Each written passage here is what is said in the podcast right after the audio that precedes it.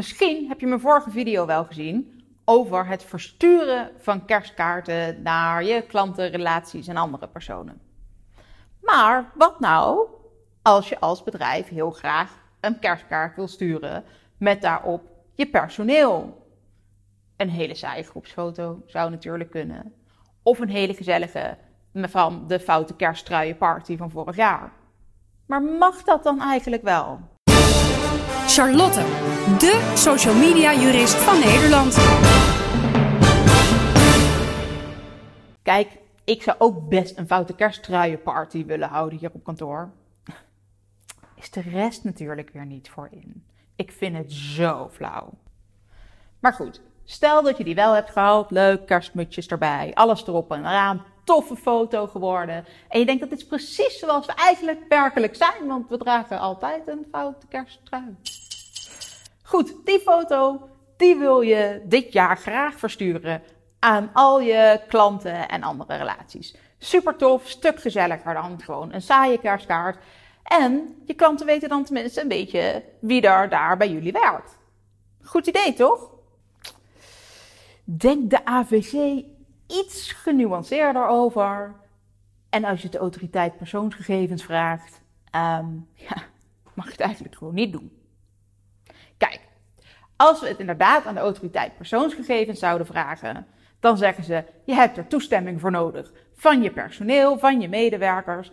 Maar toestemming van je medewerkers krijgen, ja, dat lukt dan eigenlijk weer niet. Want die toestemming moet wel vrij gegeven worden. En je bent nou eenmaal in een afhankelijke positie als werknemer. Want ja, misschien krijg je wel geen opslag. Of wordt uh, je hele arbeidsovereenkomst niet verlengd. Of uh, krijg je geen leuk werk meer toebedeeld als je nee zou zeggen. Dus uh, vrije toestemming is niet mogelijk, maar de enige grondslag is dan volgens de autoriteit persoonsgegevens wel toestemming. Dus dat betekent per saldo dat zo'n kerstkaart met het foto van je medewerkers niet kan. Zelfs dus eigenlijk niet als ze vrijwillig meewerken, omdat je dus niet zeker kunt weten of het nou wel vrijwillig was of niet. Dat daar gelaten. Is er dan misschien toch nog een andere mogelijkheid? Er bestaat ook de grondslag gerechtvaardigd belang. Daarbij moet je een belangenafweging maken tussen het belang dat jij hebt als bedrijf, in dit geval denk ik vooral je marketingbelang, hè, waarbij je zegt, ja, ik wil ook dat mijn klanten en relaties gewoon een beetje weten hoe ons bedrijf in elkaar zit. En dus eigenlijk ook wie daar werken en, en hoe we er allemaal uitzien. Maar dan moet je afwegen tegen het belang van je medewerkers. Hun privacybelang. Ja, uh, zij hoe, moeten jouw klanten en jouw relaties eigenlijk wel weten wie jouw medewerkers zijn. Hè, waarom is dat nou daadwerkelijk belangrijk? Moet zo'n medewerker zich niet juist privé mogen wanen? Gewoon prima, ik werk ergens en ik heb ergens uh, thuis en klaar. Wat, wat hebben al die klanten en die relaties daar nou mee te maken? Hetzelfde geldt natuurlijk voor je smoelenboek of iets dergelijks.